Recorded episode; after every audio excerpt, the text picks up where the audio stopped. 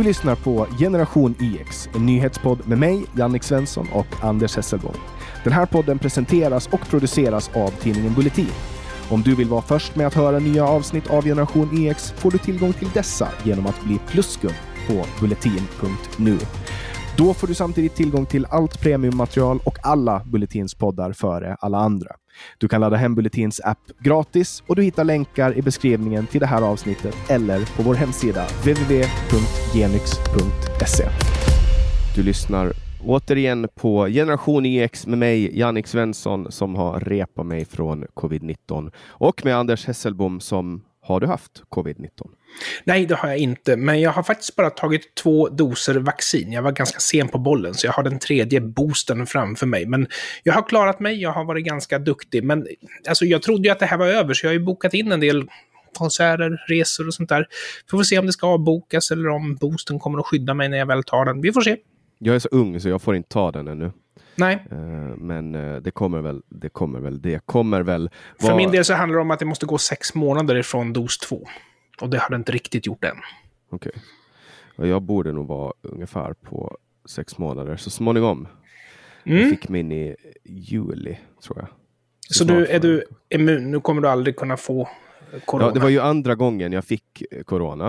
Uh, det roliga var att... ja, ursäkta att jag skrattar, jag tycker synd om dig, Jannik. Ja, men det roliga är att eh, första gången jag fick corona fick jag det av Per-Ola Olsson från Bondepraktikan. Och andra gången jag fick corona så fick jag det samtidigt som Rickard Axdorff från Bondepraktikan. så eh, bönderna har alltså indirekt smittat mig två gånger med corona. Eh, så vi får se.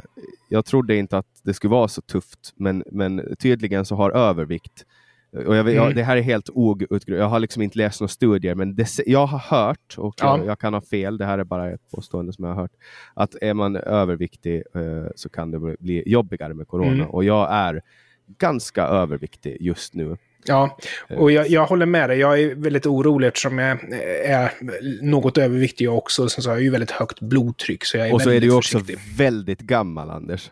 Ja, fruktansvärt gammal. Det är ju, du vet, ålder är ju... Du, är du så gammal att du har hemstädning? Nej, eh, det har jag inte. Och jag kommer nog aldrig skaffa det. Inte för att jag har något problem med att låta folk eh, ta upp min skit. För jag tycker det är ett hedervärt jobb att städa hemma hos folk. Men jag personligen vill inte ha någon främling i mitt hem. Det, är en liten spärr för mig. Om du skulle ha eh, hembiträde, skulle du då kolla upp Eh, vem som kom in i ditt hem då? Eller skulle du outsourca det åt någon annan att göra? Nej, jag skulle definitivt kolla upp det. Och mina eh, gamla föräldrar, de har ju haft det länge nu. Och eh, alltså innan man beställer så kollar man ju upp bolaget, man tar referenser och sånt där. Man har ju ett väldigt stort ansvar om det är så att man ska köpa en sån här tjänst. Vi pratar ju såklart om att Magdalena Andersson har haft en illegal person, illegal mm. i den mån att personen inte är införsäkrad i Sverige och befinner sig i Sverige utan uppehållstillstånd, som har städat i hennes hem. Hon är Sveriges statsminister. Vad tror du att eh, Socialdemokraterna skulle göra om Ulf Kristersson skulle vara statsminister och han är påkommen med att ha en Ja, eh, fyra förmodligen. Jag menar, det skulle vara en stor grej, för som jag minns det här när, när eh, rubrikerna kom, så var ju SVT ganska sena på bollen. Och det SVT gjorde ett nummer av, det var att Ulf Kristersson, alltså Moderaternas partiledare, inte kunde svara på huruvida hans eh, städpersonal hade kollektivavtal eller inte. Varför är det ens viktigt? Jag menar, jag har ingenting till övers för facket eller för kollektivavtal. Det viktiga är väl att villkoren är bra bra. Och det hade han ju kollat upp. Nu visade det sig att de som Ulf Kristersson anlitade faktiskt var kollektivanslutna. Men vad spelar det för roll? Ja, Magdalena Andersson säger att, uh, att, hon har, att uh, företaget då har försäkrat att allt var i sin ordning. Ja, men då har hon ju inte tagit referenser, då har hon ju bara ställt en fråga. Men... Ja, hon har ju inte kollat om de har kollektivavtal heller. Så... Nej, och den frågan skulle ju SVT lika gärna kunna ställa till henne. Men du vet, alltså hon är ju deras man, höll jag på att säga. Du förstår vad jag menar. Men en annan grej som jag tycker är intressant, det är ju, det här minns kanske inte du, men pigdebatten, den blossade ju för 25 år sedan. Och det var ju det här när det uppdagades att politiker och höga tjänstemän hade städhjälp, då var ju vänstern väldigt irriterad på att Eh, rika människor köper städhjälp. För i vänstern så är det ju så att städa hemma hos någon är inte ett hedervärt yrke för dem. För mig är det det. Men det är ju som bortblåst idag. Idag så har ju vänstern, liksom alla vänstersympatisörer, gått ut och sagt att det är självklart att statsministern ska få ha städhjälp. Så pigdebatten är ju som bortblåst. Mm. Städhjälp är ju ett bra sätt att eh, kunna ägna tid åt sånt som är viktigt och där man skapar uh, mycket ja. värde. Och statsministern behövs ju i Rosenbad uh, och, och så. Ja, en, en, statsminister som diskar sin kaffekopp är ju en, en, slöseri på tid skulle jag säga. Och slöseri på skattebetalarnas pengar också eftersom hon har högre timlön än vad en städerska har. Ja, och så här, ja, jag vet inte. Eh, det känns som att Magdalena Andersson kommer undan lite lättare. Eh, jag menar, skulle, skulle Ulf Kristersson ha, ha uh, råkat ut för det här, en oseriös aktör då som mm. Magdalena Andersson påstår, så tror jag nog att det ganska snabbt skulle komma upp ett misstroendevotum i kammaren. Mm. Eh, och Nooshi Dadgostar och Annie Lööf och alla andra skulle beklaga sig över att han uh, inför, försöker införa slaveri igen och så vidare. Ja. Jag tror att det finns mer till den här storyn. Hon har ju fått uppbackning av vdn på den här städfirman som hon kastar ja. framför bussen. Uh, men det tror jag också att jag som vd för en städfirma skulle göra om jag riskerar att hamna på ond fot med statsministern. Också kanske möjligheten att kanske ta emot en liten penning. Jag säger inte att, jag säger inte att, att Magdalena Andersson mutar, men jag säger att man, man som företagare kanske tänker att man vill vara på god fot med, med statsministern. Han ja. skyller ju sen vdn, nu vet jag inte om det är han, hon eller hen, men säger i sin tur att de har tagit in det från ett annat bemanningsföretag. Mm och så vidare. Och så mhm. vidare. Och sen kanske, ja. jag vet inte, kanske Säpo ska hålla koll på vem som är i statsministerns bostad. Ja, det är lätt att skylla ifrån sig, men det du tar upp nu är ju faktiskt viktigt, därför att Magdalena Anderssons misstag eller slarv är ju inte allvarligt eller stort, när vi ser på att det, liksom det kan hända den bästa om man är lite slarvig när man köper. Man ska vara noga. Men det som är viktigt här, det är ju alltså att hon ska ju anmäla till Säpo vilka det är som kommer. Så hon måste ju ha namn och sådär på de som dyker upp. Och Säpo har ju en skyldighet att ha koll. Och jag tycker att det i ganska många led har varit mycket slentrian här. Ja, Men skulle, som sagt, skulle hon ha gjort det så skulle de ju direkt ha sett att hon var efterlyst. Ja, precis. Men det viktiga här det är ju att pigdebatten är ju död. Vänstern har ju alltså gått från att man absolut inte får ta hem pigor till att det är självklart att man måste få göra det. Och jag tror att, liksom, att socialdemokrater gör saker, det normaliserar det som görs. Alla har väl ironiskt heilat och alla har väl ironiskt anlitat svart städhjälp. Liksom. Frågan är om alla, alla har gjort det. Eh, om, jag skulle, om jag skulle anlita städhjälp, jag skulle sitta hemma under tiden som eh, personen städar. Ja. Och jag ska antagligen ta den största aktören på marknaden och kräva att få veta vem det var som städade mitt hem. Ja. Och jag är inte Sveriges statsminister. Nej, och jag skulle hellre städa själv. Jag tycker att det är ganska trevlig terapi att gå omkring och städa lite grann. Jag tycker att det är jättejobbigt att städa. Nej, men du vet, klä dig snyggt. Låtsas som att du är en rik persons butler. Och sen så lyssnar du på klassisk musik under tiden. Då är det kul.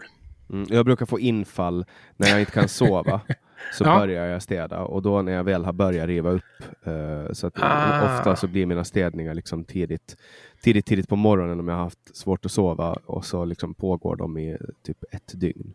Åh herrejösses. Ja, en sak som vi har återkommit gång efter annan till på grund av mitt specialintresse, det är ju Estonia. Och anledningen till att jag är mm. intresserad av Estonia är att Åland är en rederilandskap och MS Estonia var tidigare en färja som trafikerades av Viking Line mellan Kapellskär och Mariehamn, min hemstad. Yeah. Och Åland var ju också första sjukhus dit alla överlevare, eller många överlevare togs då tillsammans med Åbo. Och i princip de flesta ålänningar som är födda mellan 55 eh, och 80 eh, har varit ombord på den här båten mm. och många har liksom jobbat ombord på den och så vidare. Så jag tog väldigt mycket intresse i när den här dokumentären, eh, vad var den hette? Den hette så mycket som Fyndet, Fyndet. som förändrade allt. Yeah. Eh, när den släpptes 2020 så var ju det ett stort avslöjande att det fanns ett hål i Estonia. Det var en journalist eh, som tidigare har jobbat på eh, Länstidningen Östersund eh, och som numera bor i Norge och jobbar som fotograf och dokumentärfilmare. Han avslöjar då det här hålet genom att bryta mot griftefriden, inte gravfriden utan griftefriden, mm. och åka ner och filma det här hålet. Sedermera fick han Stora journalistpriset, vilket är den absolut finaste utmärkelse man kan få som en svensk journalist. Och det var då 2020. Därefter så har tre olika regeringar, Finland, Sverige och Estlands regering, tagit den här informationen på så stort allvar att de mm. alltså har dykt ner och gjort omfattande informationsinsamlingsprojekt. Case closed nej, tycker inte vetenskap och folkbildning som utser honom året 2021, då, trots att det här var 2020 som man släppte det, till årets förvillare. Vilket jag tycker är jättekonstigt, därför att det de gör är att de menar att han undanhåller information och att han för fram konspirationsteorier och spionfantasier.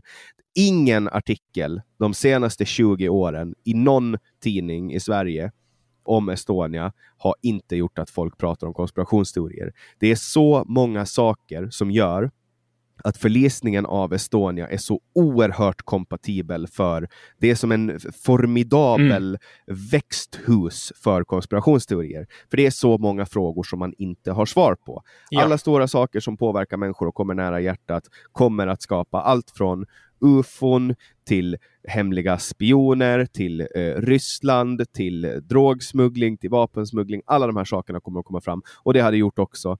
Nu har vetenskap och folkbildning gått och, och gjort det här. Och jag ser det, ur mitt perspektiv så är det här ren och skär mobbning. Också att de försöker undergräva journalistprisjuryns mm. trovärdighet genom att också ge årets förvillare till den. Det ja. tycker jag är mm, ah, vi, får, vi, får, vi ska vara glada att, eh, att den här dokumentären, det här journalistiska arbetet har lett till att man nu har tagit det på allvar. Ja. För, eh, om, inte, om inte Evertsson skulle ha gjort den här dokumentären så skulle inte de här regeringarna ha kraftsamla och samla in all den här informationen som finns nu. Jag tänker också på överlevarna. Jag har träffat överlevare från Estonia och jag har också poddat i samtal med en överlevare från Estonia, vilket är ett av de absolut mest berörande avsnitten jag har hört. Och jag vet hur mycket det betyder för dem att få reda på sanningen. Det är för mycket saker som har varit konstiga och jag tycker att, att, att göra så här, att utse honom till årets förvillare, också att man gör det ett år efter själva liksom, dokumentären har släppts, tycker jag är eh, klandervärt. Det är konstigt eh, och det är på lösa grunder och, och, de har heller inte de pekar heller inte på någonting konkret. Nej. Eh, och Det där sista du säger nu, det var ju min första reaktion. För jag tycker att om Woff tycker att den här frågan är viktig, så hade ju en debattartikel där de angriper de centrala argumenten som Henrik Evertsson gör, hade varit bättre. Därför att då hade ju fortfarande Evertsson fått cred för att han lyfter frågan på agendan och Woff hade fått säga varför de tycker att han är fel. Att de kunde ha angripit sak frågan här. Så jag tycker att Voff sköter sig ganska bra när de delar ut sina förvillarpris och de har ju även folkbildningspriset. De vill ju även lyfta folk som de tycker har bidragit. Men här tycker jag också just det här att man snuddade vid att kräva hörsamhet mot myndighetsarbete och sådana här saker. Och om det är så att man okritiskt tuggar och sväljer information bara för att den kommer från en myndighet, då har man ju knappast inte gjort en god gärning för skepticismen och för folkbildningen i Sverige. Så jag tyckte det var dåligt av den anledningen. Ja, alltså och också så här. det finns alltså en person som har varit frontfigur för, för eh, de här coronaskepticismen, vaccinskepticismen, coronalagstiftning, corona, allting som har fått jättemycket uppmärksamhet på internet och som också har fått böter för uh, och har gjort massa olika olagliga demonstrationer och så vidare. Han går fri från att bli utsedd till årets förvillare, men Henrik Evertsson får den. Alltså det här tycker jag, jag vet inte vad det här, det är någon i, i eh, den kommitté eller jury eller whatever som utser årets förvillare som har något form av ont öga eller väldigt bra kompis med Jan Guillou. Uh, jag tycker att det här, det här förvillarpriset har gått till fel person. Ja, jag tycker nog också det. Eh, det är inte självklart att det är strålande, det, det måste jag säga. Ja, och också att man under tider av corona, där det sprids oerhört mycket farlig information, väljer att ge det till någon som har gjort ett journalistiskt värv som på riktigt har påverkat ja. människor, när det finns massa människor som är coronaskeptiker där ute och sprider information som på riktigt gör att människor dör. Mm. Mm, och hade inte, Ja, ja visst. Och hade inte Henrik Evertsson gjort det här så hade det ju nästan behövts att någon annan hade gjort det. För annars så skulle ju viktig information och viktig kunskap helt enkelt gått förlorad. Ja, eh, vad tycker du om att det kommer nyhetsflashar lite nu och då om att eh, högt uppsatta politiker har fått corona? Ja, alltså det är ju intressant med tanke på hur debatten har hanterats. Det är ju inte jättekonstigt att precis som alla andra i befolkningen så får ju en och annan kändis corona. Men jag tror att man ska ha lite ödmjukhet inför hur det här viruset beter sig och hur lätt det är att bli smittad. Det, det tror jag är viktigt, ja. Men också att de har en, eh, Expressen sänder en film där eh, Per Bolund får en så kallad hostattack eh, och det är också så här, ja. här får Per Bolund en hostattack. Ja, men alltså Expressen är ju Expressen. Men det jag kan reagera på där, det är ju att eh, de handskas ju med sina munskydd med händerna, sen tar de i saker på podiet och sen så går någon annan dit och tar i samma saker och handskas med sitt munskydd. Så jag tror att det där var inte jättebra att ha riksdagsdebatter nu, speciellt inte som Annie Lööf dök upp och var sjuk. Ja, men sen är den här sjukdomen också, alltså jag kan ju bara ur personligt anekdotmässigt vittna om att den här varianten är så otroligt smittsam så att det mm. finns liksom inte. Jag, den är ju det. Jag, jag, alltså, jag befann mig i samma rum som en person, vi möttes basically. Och alla i det rummet plockade upp corona. Mm. Uh, så omikron, den är inte att skoja med i smittväg. Alltså, det ser Nej. vi ju nu, hur många människor som är smittade. Sen finns det de som är positiva och tror att det här kanske är slutet, att corona har målat in sig i ett hörn. Men vi får se. Det, det, det, det, visar sig helt enkelt. Jag hoppas bara att så många som möjligt överlever och inte blir allvarligt sjuka. Bra sagt, bra sagt. Kunde inte sagt det bättre själv. Nej, och uh, det är kallt nu, fast ändå ganska milt. Men Karlhamn, Karlshamn, uh, oljekraftverket, fortsätter slå nya rekord. Ja. Hur kommer det sig att Sverige som en gång var ledande på kärnfysik nu har ha, på tal om att måla in sig i ett hörn, stänger ner reaktor efter reaktor och nu sitter man och eldar olja som galningar. Ja, och det finns ju helt klart olika förklaringar till det här beroende på vem du är. Och eh, du har ju ena sidan vänstern som säger att det köps och säljs med el. Och eftersom el är attraktivt nu så är det dyrt. Men det jag skulle säga som då förmodligen på det finansiella planet är mer höger, det är ju för det första så är det ju så att eh, om du försämrar utbudet, alltså stänger ner reaktorer i förväg, då påverkar det ju faktiskt priset. Därför att det är ju viktigare för oss att komma åt rysk gas om det är så att vi inte kan producera svensk kärnkraft. Och det andra jag skulle säga det är ju att energiskatten är ju en procent på priset. Så ju dyrare elen blir så blir det ju ännu dyrare för kunden i slutändan. Men då å andra sidan så tjänar ju, ja regeringen tjänar ju pengar på det här eftersom eh, det är ju procent på vad det kostar elen som de drar in i moms och skatt.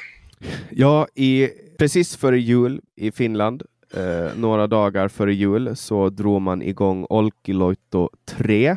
Mm. Och det är alltså ett, en, en ny kärnreaktor. Det är 40 år sedan man senast tog en ny i drift. I Finland ska den här stå för cirka 15 procent av elproduktionen. Det är ganska stort. Elproduktionen kommer att inledas nu i slutet på januari. Eh, det tar ju lite tid att få igång det. Och det här är alltså väldigt stort. Den har blivit ja. försenad väldigt mycket. Men det är ju uh, viktigt för Finland, för Finland är ju normalt sett nettoimportör av eh, effekt, så det, det är ju bra strategi. Mm. Det blir ju ja, mindre utsatta.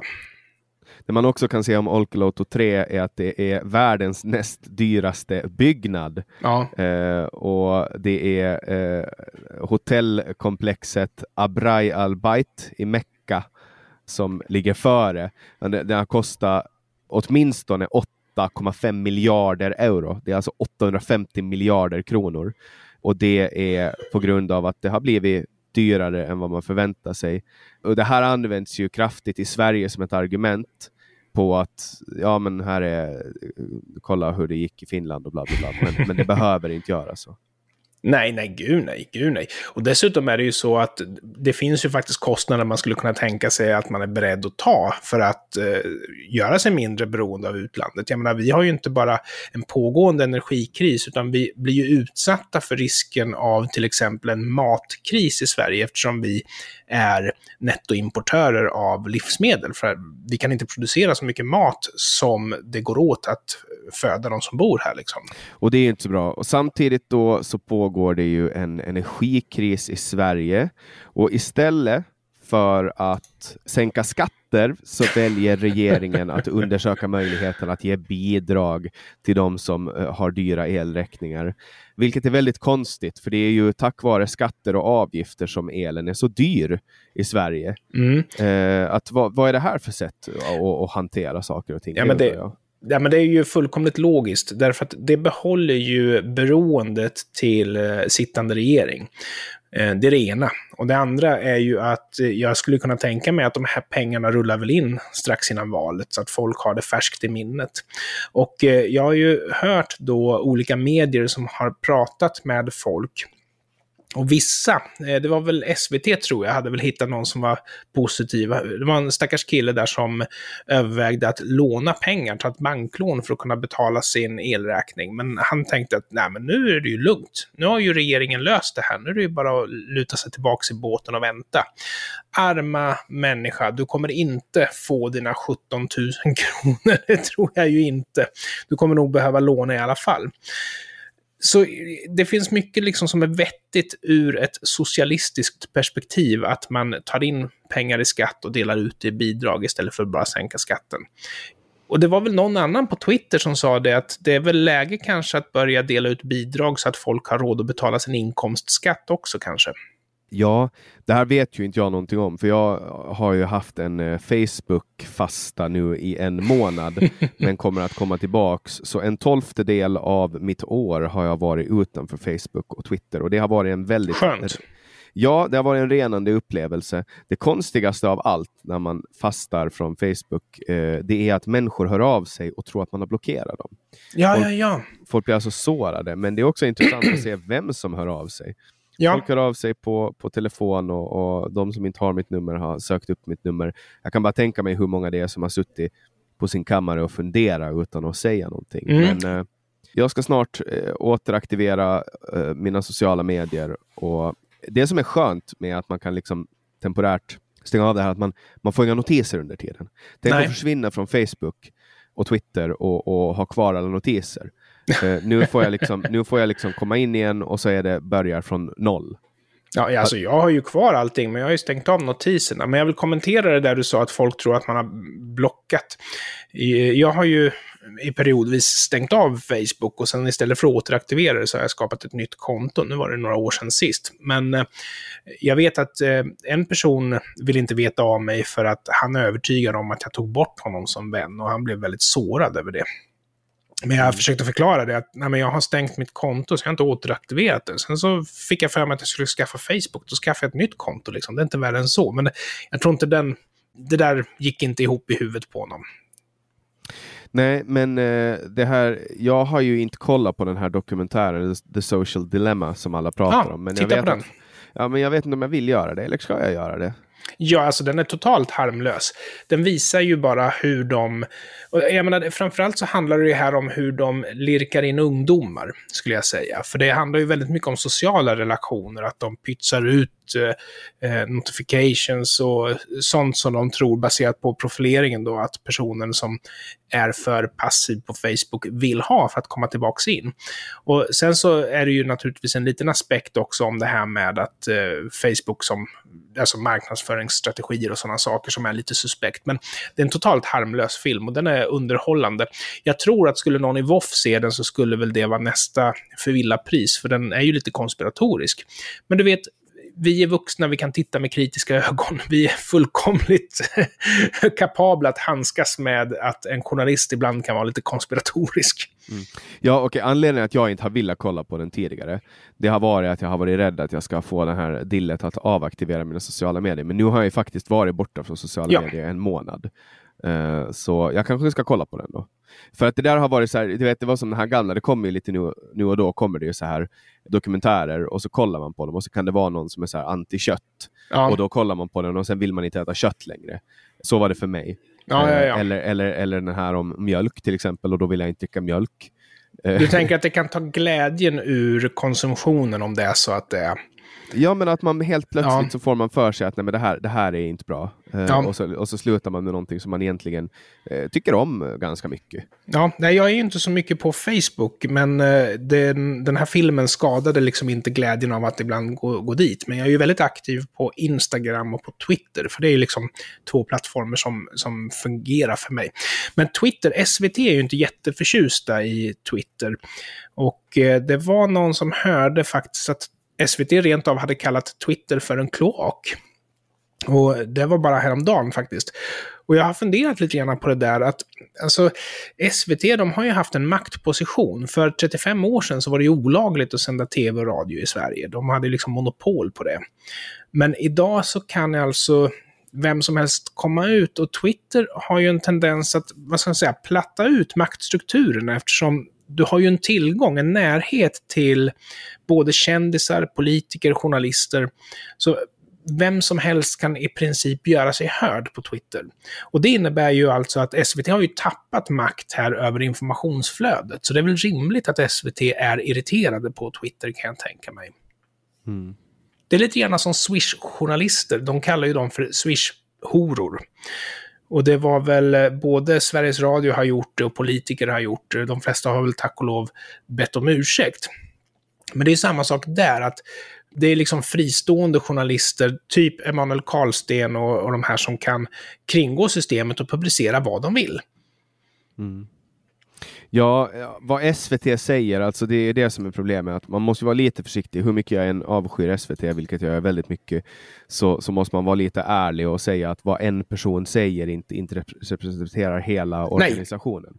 Nej, men däremot så representerar det en strömning som finns hos personalen i organisationen. Det representerar visst. definitivt inte organisationen. Det är ju inte SVTs officiella hållning att personer som är frilans är horor. Men däremot så är, det- avslöjar det ju någonting om vad, som, vad det viskas om i korridorerna, om man säger så. Ja, men visst är det så. Visst är det så. Och sen har vi en sista sak här som jag vet att får eh, dig att bli väldigt, väldigt arg. Och det är att Jehovas vittnen har fått miljonbelopp i skadestånd. Och det är då efter en 12-årig tvist. Det handlar alltså om att Jehovas vittnen får sta- statsbidrag Mm. för, eh, som ett trossamfund. Och, och det har gått igenom en hel del Ja, nej. Ja, de har liksom inte varit kvalificerade, men sen så har ju nu någon advokat kommit på att whoops, de var visst kvalificerade och då har de fått ett skadestånd.